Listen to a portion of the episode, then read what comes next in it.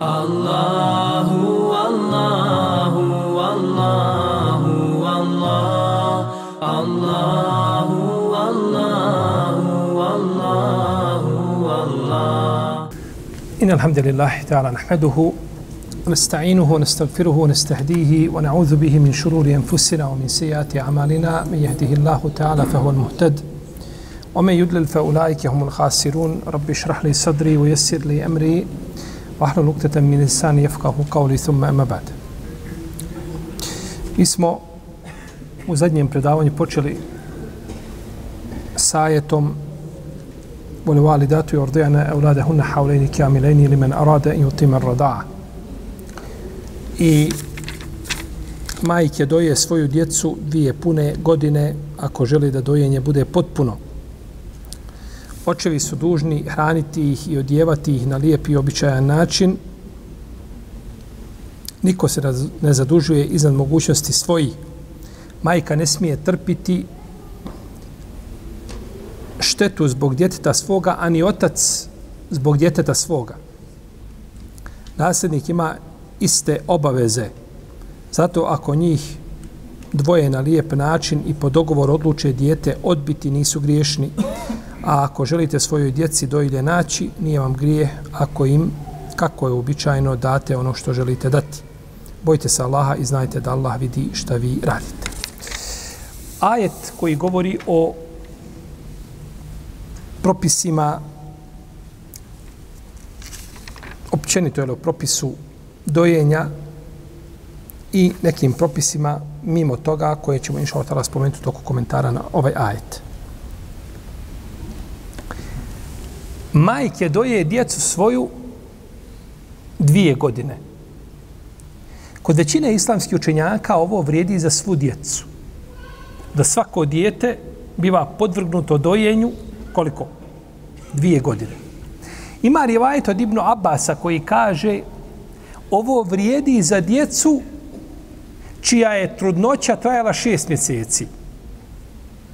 A ako je trudnoća trajala sedam mjeseci, onda dojenje biva 23. A ako je osam, onda 22. A ako je trudnoća trajala devet mjeseci, onda biva 21 mjesec. Pozivajući se na ajet u kome uzvišeni Allah kaže وَحَمْلُهُ وَفِسَالُهُ ثَلَاثُونَ شَهْرًا Trudnoća i dojenje je 30 mjeseci. Pa ako nosi 9 i doji 24, onda je prebacilo 30. Ovo je rivajet koji isprenosio od Ibn Abbas. Međutim, taj rivajet nije poznat, znači, kod džumura islamskih učenjaka, oni smatraju da dojenje vrijedi za svako dijete bez obzira na vrijeme šta? Trudnoće. Može li vrijeme trudnoće biti manje od 8 mjeseci? 9, može 8, može 7, može 6. Došla je žena, žena se udala. U vrijeme Omara. I nakon šest mjeseci rodila. Kaže Omer, to je to. Kamenovanje. Vjerojatno da je prije toga bilo u bračnoj vezi. Kaže, kamenovanje. Ti ispočina ne mora. Pa ga je Alija zaustavio, kaže, da dobro provjerni, uzvišeni Allah kaže, o hamluhu, o fisaluhu, tharasune šahra. No, ovaj, trudnoća i dojenje je koliko? 30 mjeseci. 24 dojenje, kako je došlo u ajetu, i 6 mjeseci Pa je Omer odustao od namjere. Tako je zabilježio Said ibn Mansur u svome sunanu od Hasana al-Basrija. Međutim, Hasan al-Basri nije doživio Omara. Hasan al-Basri rođen dvije godine prije smrti Omara. Zadnje dvije godine hlafeta Omara, tako da Selef, koliko god da bili dobri i dobro pamćenje imali, nisu mogli sa dvije godine prenositi šta? Rivajet. Tako da je lanac prenosilaca prekinut. Ove predaje lanac je prekinut. Ali ukazuje na svatanje razumijevanja saba po pitanju čega? Jer je dužnost spriječavati izvršenje šariatskih kazni ako postoji najmanja šubha i sumnja. Ako postoji šubha koja je, ima jeli, svoje mjesto i osnovana na neki način, zbog nje se ne, ne kažnjava niko. Ne vrijedi pravilo kaznit ćemo ga za svaki slučaj.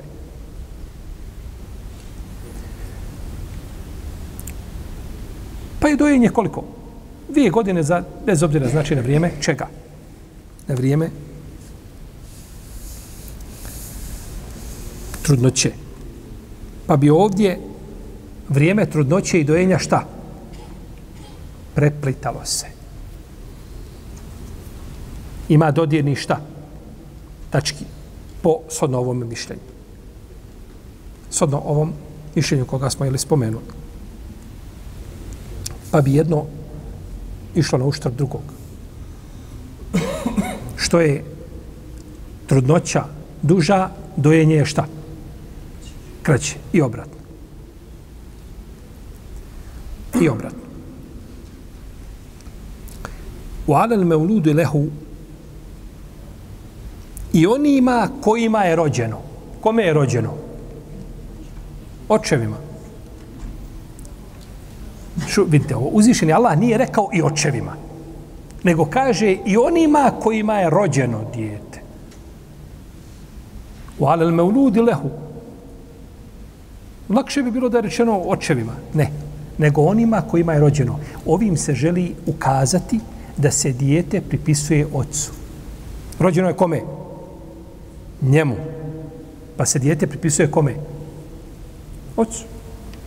I to što u vjerodostojnom hadisu da će ljudi na sudnjem danu biti prozivani po, po imenima svojih očeva. Hadis kome je skaže da će biti proizvane po, po imenima svojih majke nije vjerodostojan. Nego po imenima očeva. I zato kada se otac i majka raziđu po pitanju imena, babo ima već jak. A najbolje je da se dogovore, da nađu kompromis. To je najbolje i najljepše. Međutim, kada bi došlo, ne može. Rat će izbiti. Čija je gornja?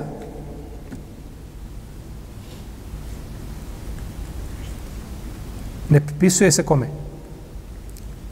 Znači, ne, u alel me uludi lehu.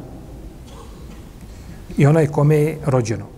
Dijete, dijete se, znate kada se dijete pripisuje, pripisuje majici? Dijete iz nemorala. Dijete iz nemorala će se pripisati majici. A neće nemoralniku. Ako je majka, šta? Neudata. Onda se pripisuje njoj. A ako je majka udata, pripisuje se njenom mužu. I ona kaže, počinila sam nemora, ali ovo dijete nije tvoje i opet se pripisuje kome? njemu, mužu. Šarijat, braću, ima svoje pravila. Šarijat nisu osjećaji. Ali ja osjetim da to ne bi trebalo biti meni. Znači, u dnu duše, ja osjetim da to ne bi trebalo biti. Nema ti što da osjećaš. Ti imaš da kažeš semjena u atana. To je vjera. Osim Allahu, dragi, da on dođe i da proklinjanjem odrekne se tog djeteta, tad mu se neće pripisati. A ome se svakako ne pripisuje tamo ome, jel? Ulezu. Njemu se svakako ne pripisuje. U alel meuludi lehu i onaj, onima kome je rođeno. Kome je rođeno dijete, misli se na koga? Misli se na oca. Otac je taj, ali tako? Rizku hune o kisvetu hun.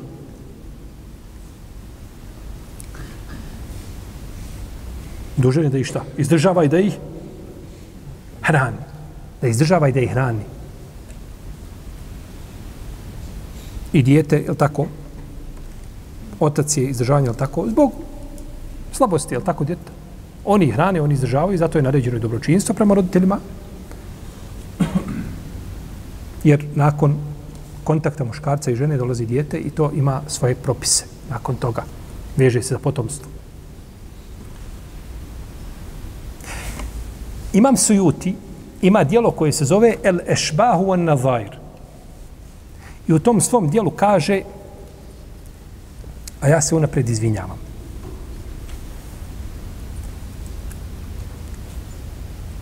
Kaže,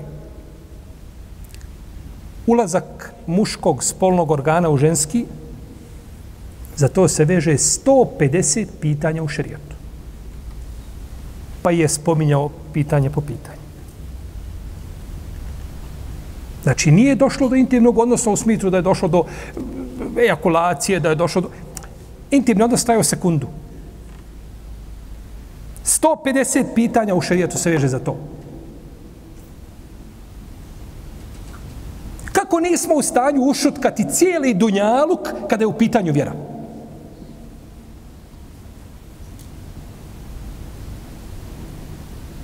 Uvijek se crvenimo. I uvijek se branimo. I uvijek smo mi u povlačenju. Uvijek smo, uvijek smo spušteni ruku. Uvijek smo A imamo blago u našim rukama. Ko ima, ko ima to blago da kada dođe do intimnog kontakta među, između muškarca i žene, da se 150 pitanja veze, veže i da je to šarijat regulisao. Da je to vjera regulisala. Bujrum, dajte mi dva pitanja. Ne znamo šta imamo u rukama. Ja se bojim da, da ličimo čovjeku kome mi neko rekao, o, ova brda, sve što vidiš ispred tebe, to je zlato. Šta misliš? To mi rekao, bi, Pa fino, sunce kad sija, lijepo se presijava. On od vrijednosti zlata zna da, da, da, da, da lijepo odsija ima, samo ništa drugo. Tako i mi po pitanju muslimani.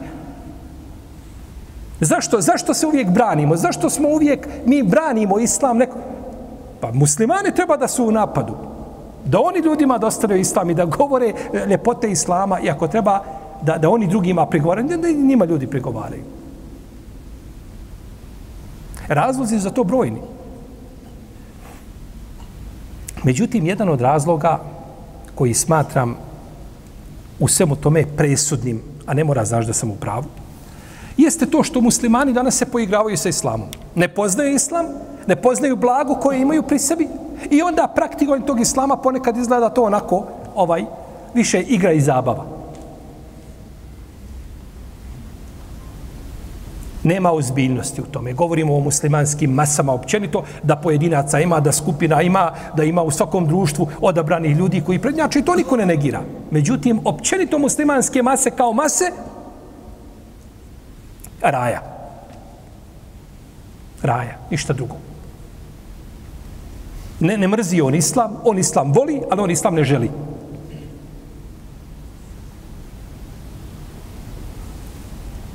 Kada je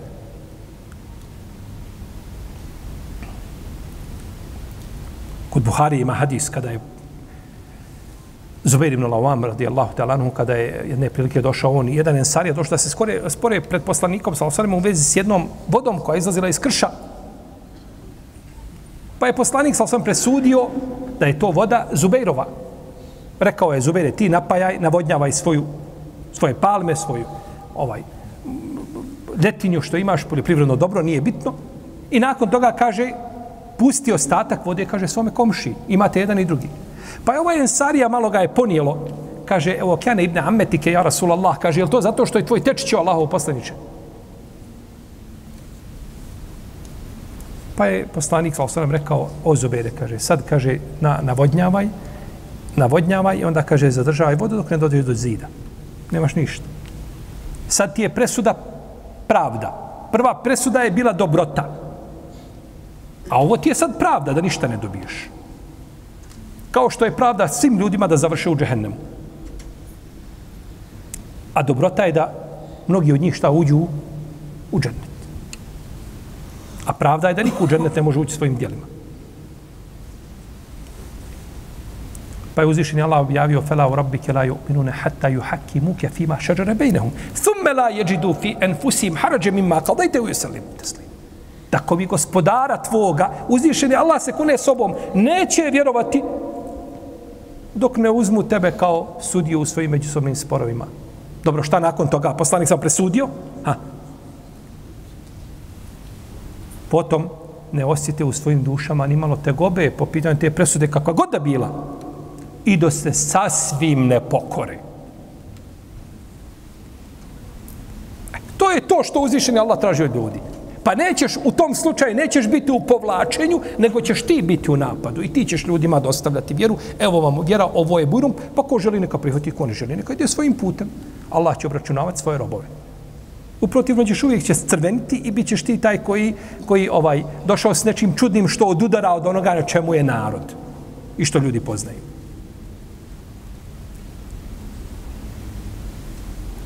Ima muslim je zabilježio svome sahihu od Rafi ibn Hadidža, kaže, rekao jedan od mojih hamiđa, kaže, zabranio nam je poslanik sa osaname nešto što nam je bilo korisno. Nehana Rasulullah sallallahu alaihi wa sallam, kane lana nafjan, o tava'ijetu Allahi wa rasulihi anfa'u lana. Kaže, ali kaže da se pokorimo Allahu i poslaniku, kaže, sallallahu alaihi kaže, to nam je preče i kaže, to nam je korisnije. Jeste, on je nam je zabranio nešto što je korisno. Ali u osnovi to ne može biti, tu mora biti nekakav, mora biti razlog. Ne može šerijat nešto zabraniti što je korisno ljudima i što je čista korist u čemu nema štete. To je nemoguće. To šerijat ne može zabraniti. Niti brani to uzvišenje. Nego brani nešto, iako je u spoljašnosti korist, i u spoljašnosti i u alkoholu i, i u kocki je korist, ali tako? Ne vjerujete, pa vidite ovi što drže birtije i kockarnice i pogledajte u njihove kuće, u njihove vile i ovaj, kako se obogatili. Ima koristi, ali je šteta veća.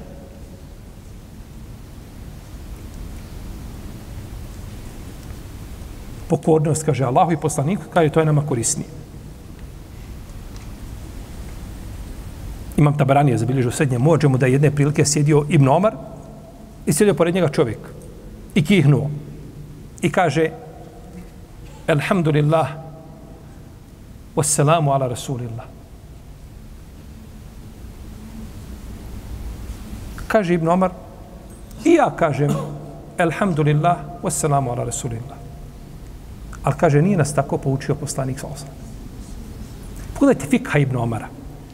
Ibn Omar nije rekao što to govoriš, tako što kaže, i ja to isto kažem. Ali nije to sunne tako reći. On ne negira da ti doneseš selam i salavat na poslanika sa osrame, ali ne na tom mjestu. Kaže, nas je poučio poslanik sa osrame, kada neko kihne da kaže, elhamdulillah, ala kulli hal. Pogledajte svatanja i razumijevanja koga Ibn, Ibn Omar. Kada je poslanik sa osreme vidio jednog sahaba koji je zvao Džulej Bib. Bio neoženjen, a bio drag poslaniku sa osreme. Pa jednog ensariju pitao, kaže, hoćeš li, kaže, udati za mene svoju kćerku? Hoćeš li mi dati svoju kćerku? Kaže, ali ovo poslaniče, kaže, A ashabi su pitali poslanika sa prije što bi neko udao svoju neudatu ženu, za koju je odgovoran bila ona da je udovica, da je djevica, nije pitali poslanika sa osrme, Allah poslanik želiš li nam biti zet? Kaže, hoćeš mi dati svoju kćerku? Kaže Allah poslanik, pa, a, ko je preči? Ko je preči? To je radost našeg oka da nam ti budeš zet. Kaže, ali ja je ne želim za sebe. Kaže, a za koga je želiš? Kaže, za Džulej Biba. E, kaže, morao bi, pogled, morao bi vidjeti sa ženom. Mora konsultovati. Tako, Hanum. Radi Allahu te anhu. Pa je otišao kući. Kada je to čula, kaže, vallahi neće za Džulaj Biba. Maliko drugi na zemlji mimo. Pa je čovjek krenuo na vrata da obavijesti poslanika, sam nema ništa od toga. Kad se djevojka javi iz svoje odaje, kaže, a za koga me to, kaže, hoće poslanik, sam Pa kaže, hoće za Džulejbiba. Pa kaže, šta mislite, kaže, da će me poslanik ostaviti, kaže, na cjedilu? Da ću, kaže, ostati izgubljena nakon poslanikove, nakon njegovog izbora? Kaže, nemojte, kaže, vraćati prostica poslanika. Nemojte, kaže, vraćati poslanika, sa osadame, a on zaprosio mene za nekoga. Pa su udali je za Džulejbiba kad se, kad se udali, dovio im je poslanik, on kaže, Allahumme, subbe el hajre alejhim sabben, vola teđal ajšehuma kedden. Kaže, gospodaru moj, kaže, saspi na njih hajr i dobro sasipanjem. Ovo subbe el hajre alejhima sabben, ovo je, kažu, ovo je u arapskom jeziku, kaže se me ful mutlak. To je došla imenica koja je izvedenica iz glagola da potvrdi glagol. Znači da im hajra da ni sami ne znaju šta imaju. Pa je otišao Đulaj Bibo jednu bitku, pa je poginuo, pa je pitao poslanik, kaže, kaže, vidite li da nam još neko fali? Pa kaže, Allaho poslaniče, kaže, fali taj, pa vidite li još neko da fali? Pa vidite li još neko? Kaže, ja vidim da fali Đulaj Kaže, Ravija, kaže, nije bilo, kaže, u Ensarija žene da je više dijela na Allahom putu, da je više imetka podijela kao što ta žena. Ta djevojka koja se udala. Hoće uzvišeni Allah od ljudi da se pokore. Kada jedne prilike ashabi bili na putu, imam Ebu Davud je zabilježio s ove sunene, ashabi bili na putu. Pa kada odsjednu, ono, šiblje, grmlje, gdje ima, što deblja haladovina, to bolja. Pa se tako razbježe. Pa im kaže poslanik, sal salam, kaže, to vaše, a, a, ovaj, to što ste raštrkani tako i razbacani, kaže, to je šeitana. Kaže, skupite se. Kaže Ravija, kaže, pa bi nakon toga, kad bi neko, kaže, raširio platno i za njih svi bili ispod tog platna. Jedan drugom u krilu sjede. Traži se pokornost. Hoće da islam da se praktikuje onako kako je došao. A nije da to bude onako, jel?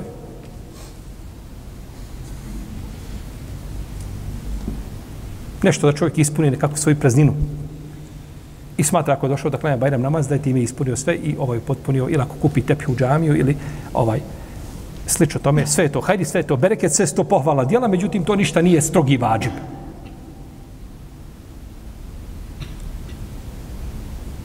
E zbog toga muslimani su danas uvijek ovaj brane se. A najveće pravo imaju da oni druge napadaju. A muslimani nikoga ne napadaju. Ali kada bi neko imao pravo i da ima pravo, onda ga imaju muslimani.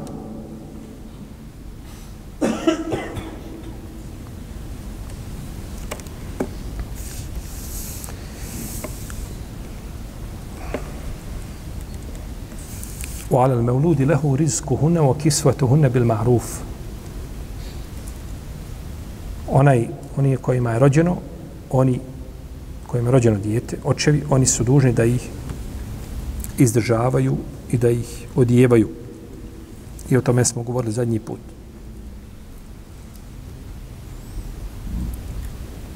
Islamski učenjaci su jedinstveni u mišljenju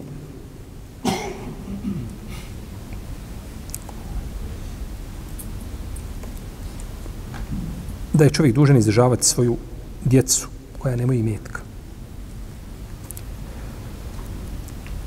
I znate da je došla Hind bin Tutbe kod poslanika, sa osam kaže Allahu poslaniće Allahu poslaniće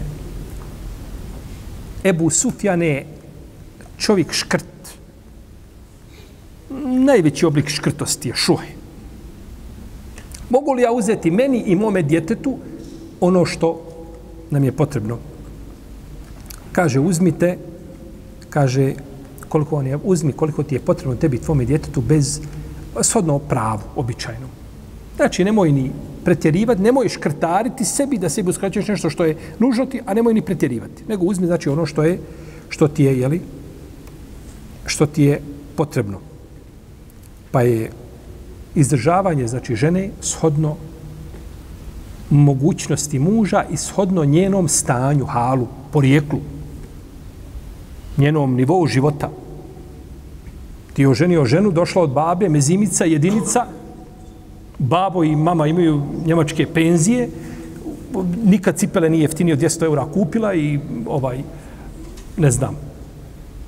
I nakon toga ona ima svoj nivo. Pa ti kad se ženiš, moraš prije toga šta? Prvo izvagati dobro.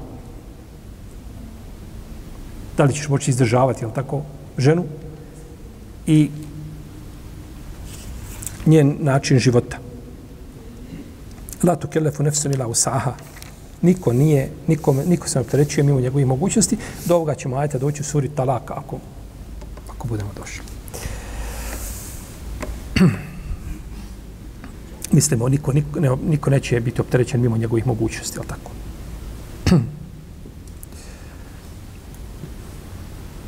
Ovdje se, kažu neki učinjaci, misli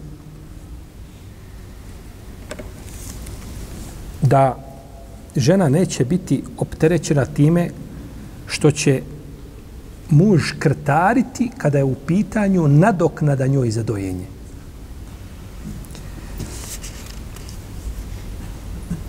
Niti se od muža traži za dojenje više nego što se obično treba dati. Nego se tu gleda nekakva sredina. Međutim, prvo tumačenje je bolje. Prvo tumačenje je ispravno. Ovim hadisom, odnosno ovim ajetom, dokazuje, dokazuje ima Malik da skrbništvo nad djetetom pripada majici. Sve do punoljetnosti ako je muško, muško, a sve do udaja ako je žensko. Iako ne ukazuje ajet jasno na to. Kažu da je to njeno pravo i tako kaže mame Buhanife. Dok imam Šafija kaže kada dijete bude imalo, kada bude u godinama kada razaznaje. To je sedma, osma, osma godina kada dijete razaznaje. Kaže tada dijete ima pravo slobodnog izbora djetetu se kaže da izabere između koga oca i između oca i majke. Jer u tom vremenu djete je potrebno da uči i Kur'an i Edeb, da uči se osnovnim propisima vjere, na tako, jer on već treba da klanja, se uči 7 godina, 8, 9, 10, jer zaslužuje sankciju. Jel? I kažu u tom pogledu, kaže imam šafija, isti su muško i žensko dijete. Nema razlike šta biva sa njima? Da im se pravo čega? Izbora. Dijete bira. Dijete bira. Naravno, dijete bira, to treba dijete bira gledati dobro izvagati. Dijete bira ode kod majke, sve može. Ili obratno, kod babe, sve može. Zašto ne valja može? I onda izabere babu. Ono izabrat babu neće, ono izabrati onoga komu brani nešto i komu želi hajr ali u osnovi ima pravo dijete šta da? Da bira. Imam Ibn Mađe i Nesa i bilježe sirodostojnim lancem prenoslavca Ebu Horeire da je jedna žena došla kod poslanika sa osanem i kaže, Allaho poslaniće, kaže, moj muž je uzeo moje dijete. Pa je poslanik sa rekao, kaže, ovo je tvoja majka, a ovo je tvoj otac. Uzmi, kaže, za ruku koga želiš od njih dvoje. Stavi se jednu stranu majka, na drugu se stranu stavi otac.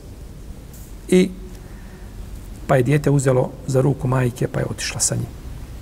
A u kod Ebu Davuda se navodi isto vjerodostojno predanje od Ebu Horire da je došla žena kod poslanika sa osanem i kaže Allahu poslaniče kaže moj muž želi da uzme moje dijete. Kaže, a ono me je napajalo iz bunara Ebi Inebe, jedan bunar u Medini, kaže, koristilo mi je dijete, pomagalo mi. Pomagalo mi. Pa je poslanik, sa osvrame, rekao, kaže, bacite kocku po pitanju tog djeteta. Kome će pripasti? Pa je rekao muž, kaže, ko želi da me odvoji od moga djeteta?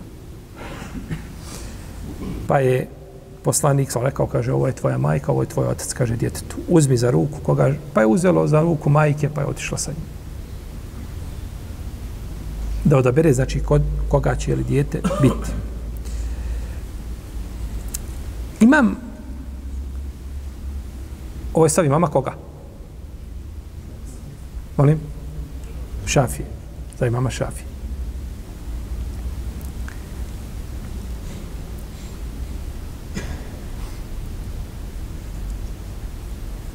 Imam Kurtubi kaže, mi koristimo kao dokaz rivajet, kaže, koga bilježi imam Ebu Davud, a od imama Eleuzaije, Abdurrahmana, ibn Amra, imama Šama, od Amra ibn Šuajba, od njegovog oca, od djeda.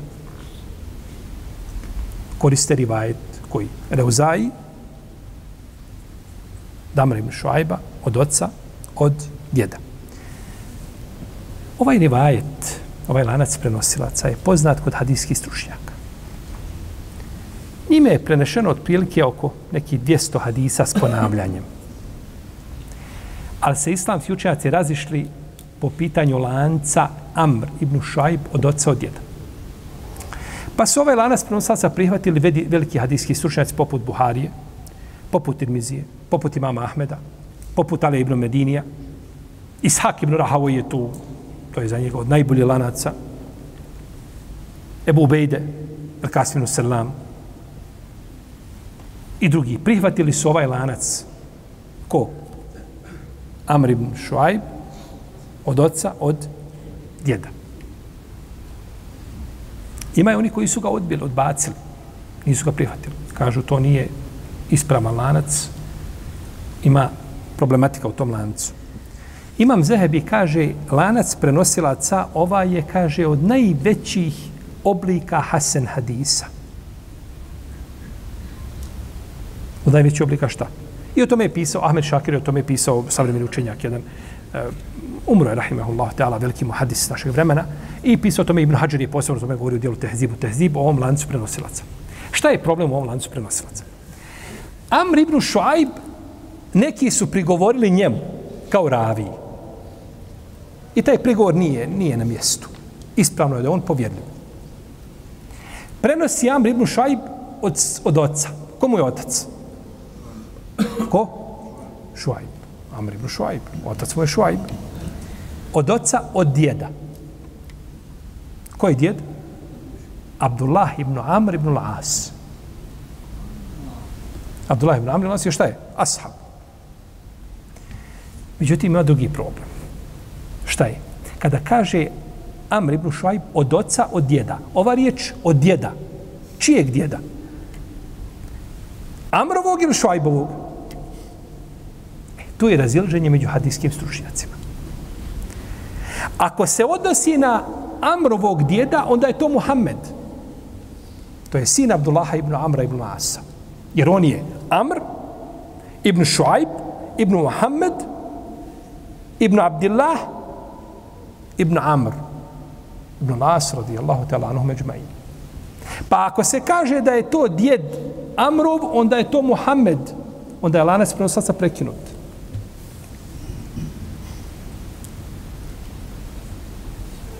A ako se kaže da je od djeda Šuajbovog, e onda je to Abdullah ibn Amr. I to je ispravnije. To je ispravnije da se radi znači, o lancu koga prenosi, znači Amr od svoga oca Šuajba, a Šuajb prenosi od svoga djeda koga? Abdullah ibn Amr. Taj problem smo riješili. Ima drugi problem. Treći. A to je problem što da li je čuo Šuajb Abdullah ibn Amr. Da li je slušao od njega hadisa? Ispravno da je slušao. On je odrastao kao jetim kod svoga djeda. Kod Abdullah ibn Amr. Dobro, ima četvrti problem. On je odrastao kod njega, ali da li je sve hadise koje prenosi čuo od njega? Ili je to putem u iđade? A u iđada je da nađeš knjigu. Abdullah ibn Amr ibn As je imao knjigu koju je pisao hadise, ali tako? Zar nije govorio Ebu Hurere, kaže, niko ne, ne zna više hadisa od Allahovih eh, poslanika, od ashaba Allahovog poslanika, sallam, kaže, kaže, od mene, osim Abdullah ibn Amra, fa innehu kjane jektubu wala ektubu. On je pisao, ja nisam pisao. Najviše hadisa imao, samo što nije prenio zbog ibadeta. Imao je zapisani. Ima sahifu, sahifu koja je zove es, sahih, es sahifetu sadika. Kažu da je u njoj bilo oko 300 hadisa, neki kažu da 1000, to je puno. Oko 300 hadisa je moglo biti tu negdje, plus minus, teško je kazati. Međutim, imao je tu sahifu, kažu, to je našao ovaj ko? Amr, sahifu i prenosi putem u iđade. A onda imamo peti problem. Prenosenje hadisa putem iđade kad neko nađe nečiju knjigu. Ti si našao knjigu, ti si ti si našao knjigu nekog učenjaka. Bilo da si je kupio ili da ti on dao, da ti on ostavio, nije bitno. Možeš li ti kazati kad prenosiš hadise, čitajući te knjige, pričao mi je? Ne možeš. Ne smiješ kazati pričao mi.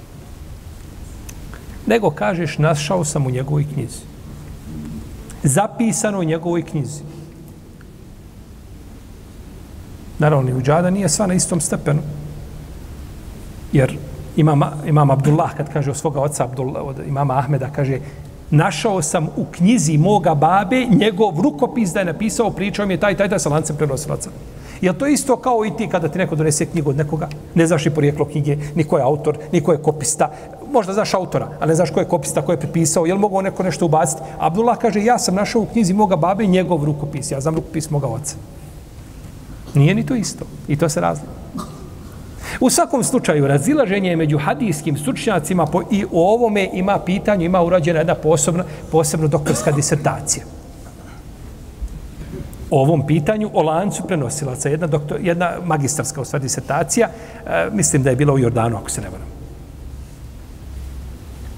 Čuo sam za nju, nisam je vidio nikada, ali vjerujem da je, da je, ovaj, da, da, da je riješila taj problem. Znači, ovaj, o, jedan lanac, i oko njega se vrte brojni hadisi.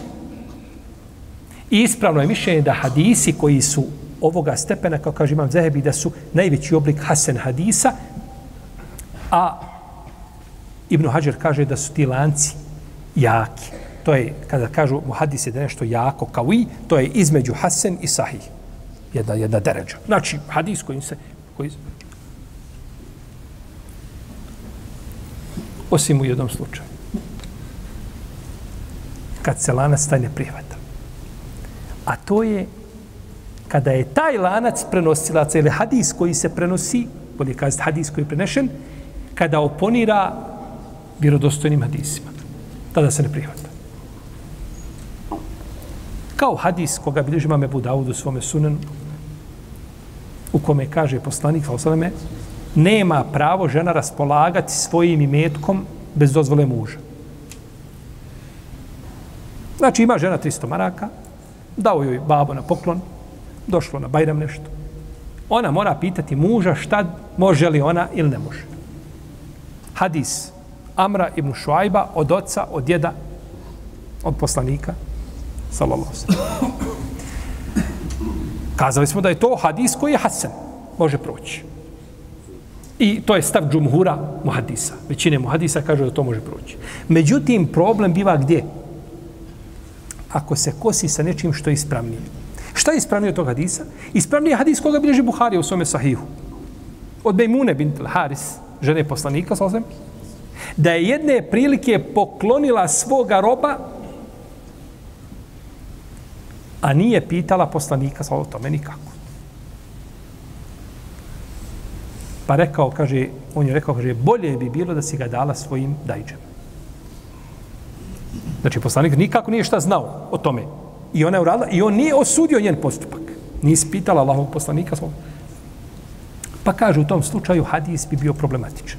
Osim Allahu dragi da hadis pomiruje, to je nešto drugo. Uglavnom, lanac prenosilaca je šta? Hasan. Da se vratimo hadisu. Kaže autor, pričao, ima Melauzaji, ili kaže na, naše rivajete, rivajete Melauzaija, je tako? Abdurrahmana ibn Amra, od koga? od Amra ibn Šuajba, od oca, od jeda, da je poslanik, sa osaname, jedne prilike bio ovaj. Pa je rekao da je došla jedna žena kod poslanika, sa osaname, i kaže Allahov poslaniće, kaže, moj sin je bila, kaže, uh, moj stomak je bio njemu spremnik. a kaže, moja dojka je njemu bila poište. Žena sad, je tako? Žena se, pogledajte, čudan je, čudan je primjer oca. Otac, da dijete dođe, šta radi? Upotpunjava svoje prohtjeve. I onda kad dođe, svakom mu čestita. Sa svih strana čestitke, njemu svakom mu čestita, svakom dolaze. Majka nosila, je tako? Rodila, dojila, život svoj dala za tu djecu.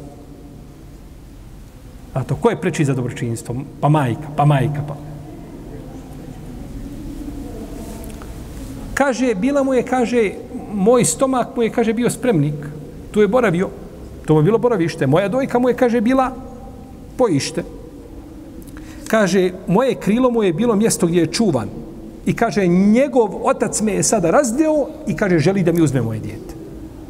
Ona je tako dokaziva šta je ona u, u, uložila u to dijete i koliko je ona podnijela onu, onu onaj, tegobu za sve to i sad ovaj jednostavno dođe i uzme dijete. Pa je poslanik, ali se rekao, kaže, ti si mu preča dok se ne udaš. Ti si preča djetetu dok se šta? dok se ne udaš. Kaže Ibnul Munzir, kaže, složni su islamski učenjaci složni su islamski učenjaci, kaže, od onih od koji se prihvata i piše da žena a, nakon razvoda da je ona preča svome djetetu dok se ne uda. A imam Ibn Abdelber kaže ne znam razilaženje među prvim generacijama da ženi koja je razvedena pripada skrbništvo nad djetetom, da brine znači o djetetu, malom svome, kaže, djetetu, koje ne razaznaje, jer ovdje želi Ibn Abdelber šta, da pomiri hadise različite, tako? Jer kažemo djetetu samo ode, nego djetetu malom koji ne razaznaje. Pa se tako pomiruje hadisi. Svako hadis ima znači onda svoje značenje. A ako kaže može biti kod njega čuvana i podmirena. I kaže ako nije potvrđeno da je ona a, da je ona fasik. I ako nije potvrđeno da je razgoličena da je mu te da nema hijjaba. Ja Allah pravila kada se želi djetetu dobro. Majka koja nema ništa sa dini islam, nema vjerom ništa. Dijete se probudi u 6 sati, ona se vraća iz, disto, iz diskoteke. Jedva pogodila zgradu i haustor i vranda. Allah zna iz koliko pokušaja. Ušla u kuću. Mama, gdje si bila? Šta, mama? Ništa, mama, ko behut. To, to može biti žena koja će odgojiti dijete i koja će odgojiti generaciju. Ili tamo nekakva učiteljica, šajkaču nabije na glavu, kokardu, slika se, jel tako, izaziva cijelo jedno društvo. To može biti, to može biti učiteljica u jednom društvu. To je poraz za društvo, u narednih godinu dana ne mogu se oporaviti. Šamar, sve jednom članu tog društva koji je mogao nešto promijeniti, a nije tio da promijeni. Takvo je puno da opuške kupi oko škole. To je za nju puno. Nikakav kontakt sa djecom ne smije imati nikako. Ni da pogleda i da mu kaže halo, kako si? Ni to. Ništa. To da budu tako, da budu odgajatelji generacija, nažalost i to se dešava. I neće se ništa posebno desiti. Stavi zastavu la ilaha illallah na auto i prođi jedan krug napravi. Drugi nećeš sigurno. Što la ilaha illallah? To je moja vjera. Ja živim sa la ilaha illallah i živim za la ilaha illallah i živim po la ilaha illallah, inša Allah. Šta je problem da ja stavim zastavu koju piše la ilaha illallah? Ali šajkača i kokarde i slikanje tamo i, i ovaj i kaže još šta i mahramu kaže neka je kaže namlatio i treba da je namlati nabila je mahram, mahrametinu na glavu kaže poziva, znači žena otvoreno poziva, je tako, na, na, na, na fesad, na nered, na, na fizičke obračune i tako da. I ona uči djecu tako, ovog napaćenog grada.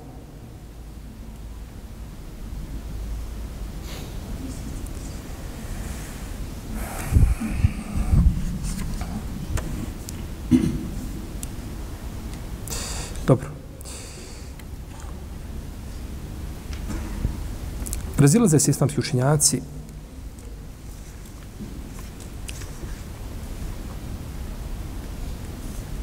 kada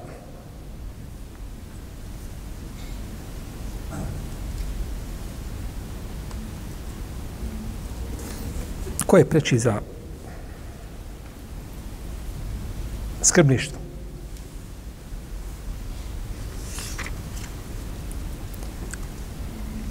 Hoće li dijete imati pravo kada dođe u godine kada razaznaje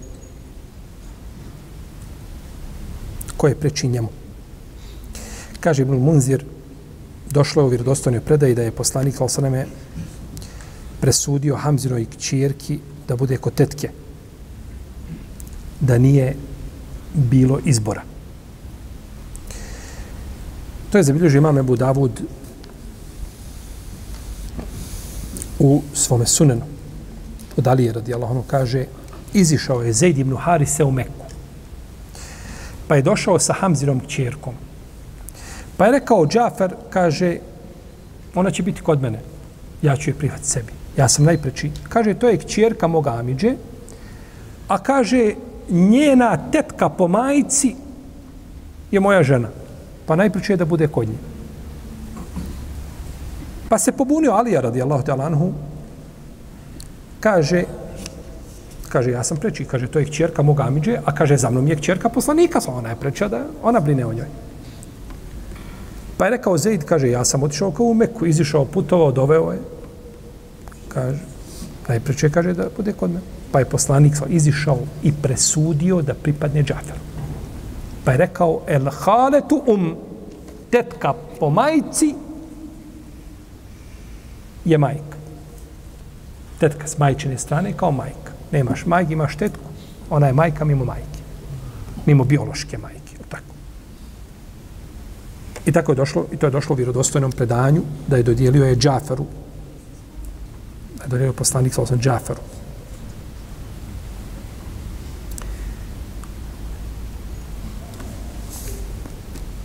Kaže Ibn al-Munzir, složni su svi učenjaci od koji se uzima znanje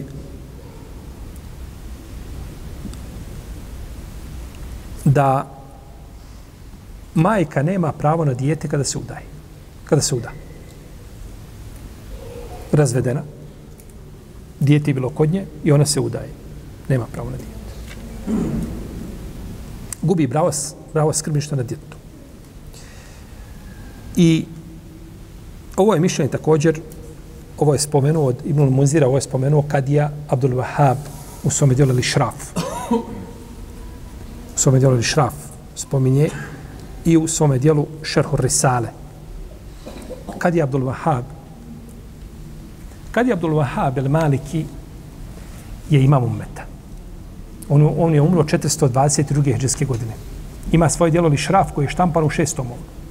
Ima dijelu Risale, Šerhu Risale. Šerhu Risale, Libn Zaid, Ibn Ibi Zaid al-Kajrawani. Ima dijelo Telqin, Fiku. Ima dijelo Al-Ma'una, Fik Malikijski. Ima dijelo Al-Mulakhas, Usul Fiku. Ima Mumbeta. On je boravio u Bagdadu. Bio je u Iraku i krenuo iz Iraka. Pa ga zaustave ljudi. Kažu, ko si krenuo? Kaže, nemam svaki dan dvije, dvije pogače da jedem da imam, kaže, ostao među vama. A drugi kažu da je izišao iz Iraka, da je otišao iz Iraka, zato što je rekao nešto imamu Šafi o njegovom mišljenju što nije bilo, nije trebao reći, to je bila Šafije. Pa je morao pokupiti se i pobjeći. I prije da će biti to drugo, da je zbog toga izišao i ostavio Irak. Ali kada je napisao svoju knjigu, komentar na Risalu od Ibn Abi Zaid al-Kajrevanija, Kada je napisao to dijelo, to dijelo je plaćeno sa sto miskala zlata. Prvi čovjek koji je kupio od njega to dijelo, to je nepuni pola kile zlata. Između 15 i 20 hiljada eura je plaćena ta knjiga prva što je. Šta mislite čovjeka koji je spreman da da 15.000 eura za jednu knjigu? Po to što si ti napisao, imaju u drugim knjigama za 100 eura, za 50 eura takmičili se ko će prvi uzeti knjigu i da ima knjigu. Imam Zahebi, spominje u svom djelu Sir, kaže u vrijeme kada, je, kada, je, kada su mladu, kada bi opremili i kada bi pripremili njene, njene poklone, to bi joj ispakovali mushaf, ispakovali bi joj knjigu od El Muzenija u šafijskom fiku, na koju je dao komentar imam a, El Mawardi u 21 tom.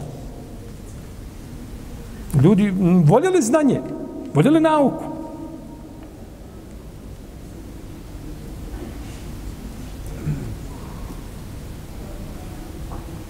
Plaćena ta knjiga. Ali ta knjiga zavređuje da bude plaćena. Jedne prilike došle su jedni koji ne žele sebi dobro. I kazali ovako. Kažu, to u islamu nešto nam šubeli. A šta mi je šubeli? Hajde, recite. Kažu, šubeli nam ti nek, propisi imaju nekakvi koji nikako ne, ne mogu proći. A, On ima nekakve pravilnike i sad on to kad pusti kroz pravilnike svoje, nikako ti... Šta je problem? Kažu, vidite. Vi, kaže, kod vas muslimana, kaže, kad se osjeće prst jedan, za to ima krvarina. Krvarina za jedan prst je deset deva. Bilo koji prst, ruku, nogu osjeće, deset deva je krvarina. Deva je 2000 eura možda sad otprilike nakon dvije, dvije i po, koja je malo bolja. Jel? Znači, za jedan prst imaš koliko? 20.000, 25.000 eura krvarine. Za pet prsta 50 deva. 100.000 eura. A ruka se odsjeca za četvrt dinara. Kad neko ukrade nešto što vredi četvrt dinara, znate koliko je to? 40 eura. Plus, minus. Ide ruka za to. Ode za 40, a vamo vrijedi koliko? 50.000. Gdje je tu logika? Da nam reci samo koliko ova ruka vrijedi da znamo. Kad je to čuo imam Abdul Wahab ibn Ali Ebu Muhammed al-Maliki odgovorio na to, srušio to njihovo sve, tu muku koju su oni uložili, Allah zna koliko su on godina uložili da on to sebi ovaj, tako skontaju, on je to s jednom rečenicom slušio. Kaže, lemma kjanet emine, kjanet semine, o lemma hanet hanet. Kaže, kad je ruka bila povjedljiva, bila je vrijedna. Kad je postava, postala nepovje, nepovjedljiva, postala je bezvrijedna. I gotovo. Jedna rečena. Treba knjiga, treba tom. E, vidite vi sad, mi ćemo vam početi od, vreme, od predislamskog vremena. Ham, stanje Arapa u predislamskom vremenu, kako su voljeli, kako su krali, kako su nepravdući, pa jednom rečenicom se sruši. Zato kad su pitali jednom, kažu, zašto? Zašto, kaže, riječ Selefa su tako, tako slatke, tako lijepe, tako ulaze u srce? Kaže, zato što su govorili da pomognu istinu. A mi govorimo, kaže, da pomognemo sebe.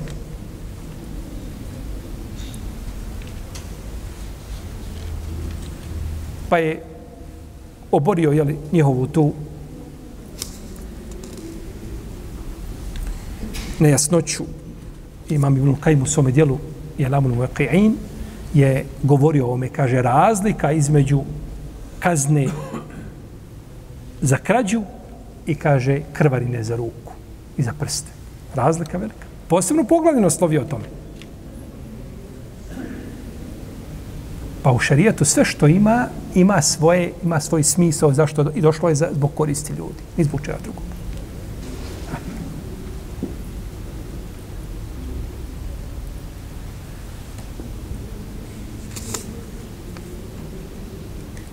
Dobro. Mi smo spomenuli šta? Da je ovo što rekao je bilo Munzir, da je to prenio imam Ebu Muhammed, Abdul Wahab al-Qadi, Qadi, je tako? U svome, on je, braće, došao, on je došao u Egipat. Kad je otišao iz ovoga, on je došao u Egipat. Nije dugo živio u Egiptu.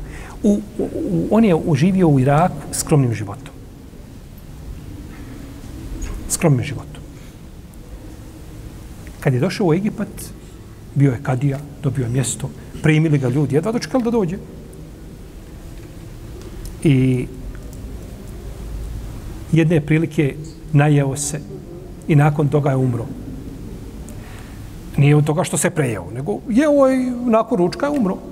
Kaže, pa je rekao, kaže, subhanallah, kaže, ovako spominje Kadija i Jad u svome dijelu, tertibul medarik, gdje je govorio o, o malikijskim učenjacima, o njihovim vrijednostima i tako dalje, kaže, subhanallah, kaže, kad smo živjeli, kaže, siromašno, živjeli smo. Kad nismo ništa imali, sve bilo super. Kaže, kad smo počeli živjeti, kaže, onda umiremo. Jer živio je tamo skromnim životom živio je skromnim životom, rahimehullahu, rahimehullahu ta'ala. On je spomenuo, znači, od, od, od Ilmu Munzira, ovo što smo i preneli, tako, i spomenuo je od, u svome dijelu šerhu Ar-Risale, tako, Spominio od, Ibnu, eh, od, od Hasana al-Basrija, spominje da je on jedini rekao da žena i nakon udaje zaslužuje skrbništvo nad djetetom. I nakon udaje zaslužuje šta? To nije, to ne stoji. To je suprotno hadisu. Jeste, ima Hasan al-Basrije, eh, je, eh, al-Hasan ibn ibn Hasan, Abu Sa'id, on je imam ummeta, al-Basri, međutim, eh, hadisi poslanika, sallallahu sveme, ovaj, hadisi poslanika, sallallahu sveme, jel su presudni. Skoro mi dođe jedan pitanje, kaže, čisto, čitao sam, kaže, hadis u vezi s tim, jasan je hadis i tako dalje, i to su rekli neki učenjaci, ali kaže, kako si ti mogao, kaže, reći, kaže, suprotno ovome većini učenjaka. Pa draže mi je da kažem suprotno većinu učenjaka nego suprotno hadisu. Šta je problem? Problem je da čovjek kaže nešto što nije rekao niko od učenjaka. E, to je belaj. To je već, to je fula. Promašaj pravi. Ali ima imama koji su to kazali, zastupaju to mišljenje i imaju dokaze koji su jasni. Nema smetje da čovjek odabere, odabere to mišljenje. I ostaje opet na kraju u krugu, jel tako, da ljudi jedni druge ovaj, e, e je li da prihvataju različite mišljenja. Pa Hasan al-Basri ne može, je tako, ne može njegovo mišljenje, je li, ne može poremetiti, je li, značenje hadisa ni u kom slučaju. Tako da ima Malik i Šafija, Ebu Hanife i Ebu Saur, a, smatraju da je a, najpreča nakon udaje da je najpreča nena po majici da bude skrbnik. Nena po majci biva šta? Skrbnik koga. Jer ona je, nena po majci, jel tako, ona je su, milostivije su, jel tako, prema djeci, nego e, i, sami, jel, ponekad i sami, jel, same majke. Potom je autor ovdje dugo spominjao redoslijed kako kome pripada skrbništvo. Nećemo to spominjati da vas ne izmorimo. Izmorit će vas dosta, a nećete puno razilaženja su velika, a nema jasnog dokaza, nema jasnog dokaza jeli, u, u, vezi, u vezi s tim.